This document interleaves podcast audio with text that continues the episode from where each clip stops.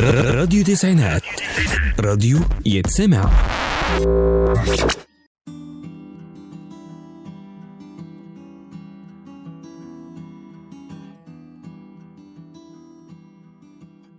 مساء الخير على كل حد بيسمعني. أنا عائشة البغدادي وبرنامج السعي حياة على راديو تسعينات. بقالنا كذا حلقة محور كلامنا هي كلمة السعي. عرفناه واتكلمنا عن فكرة القدر والمكتوب. والنتائج وحاجات كتير قوي. وقلنا إن ما علينا إلا إننا نتحرك وبس.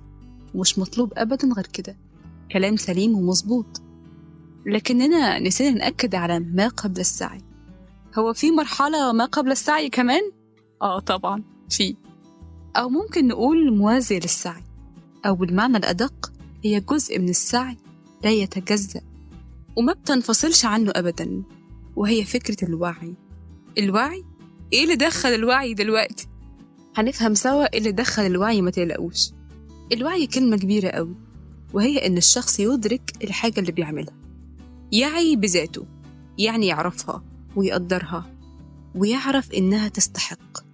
يبقى الوعي هو المعرفة. أعرف أي حاجة قبل ما أدخل فيها.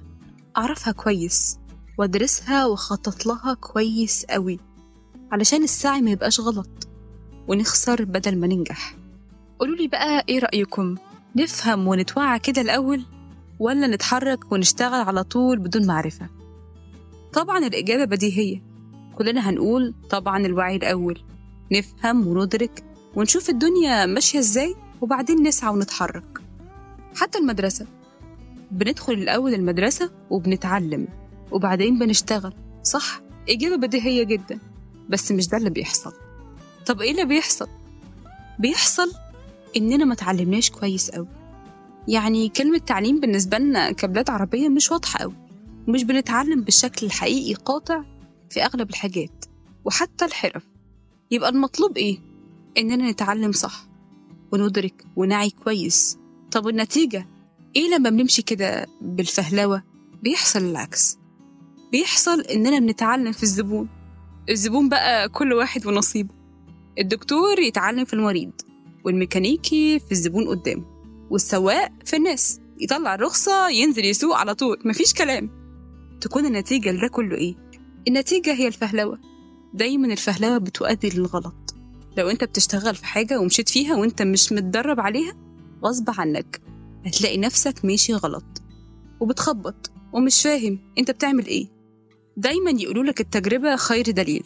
خير دليل آه طب بس ناخد معلومات حتى لو بسيطة. وننطلق ونبدأ رحلة السعي.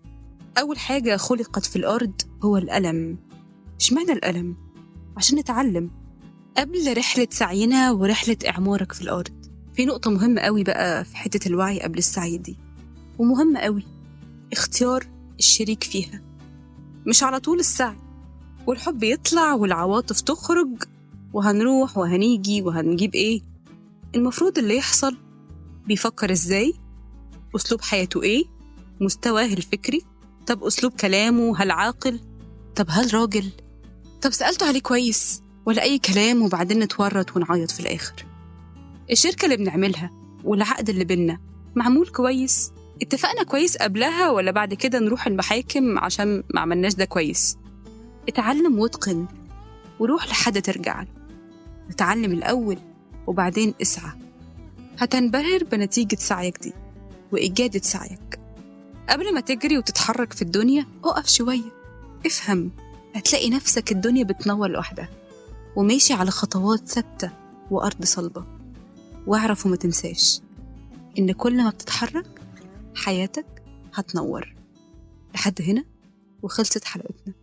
بشكركم على حسن استماعكم. كانت معاكم عائشة البغدادي.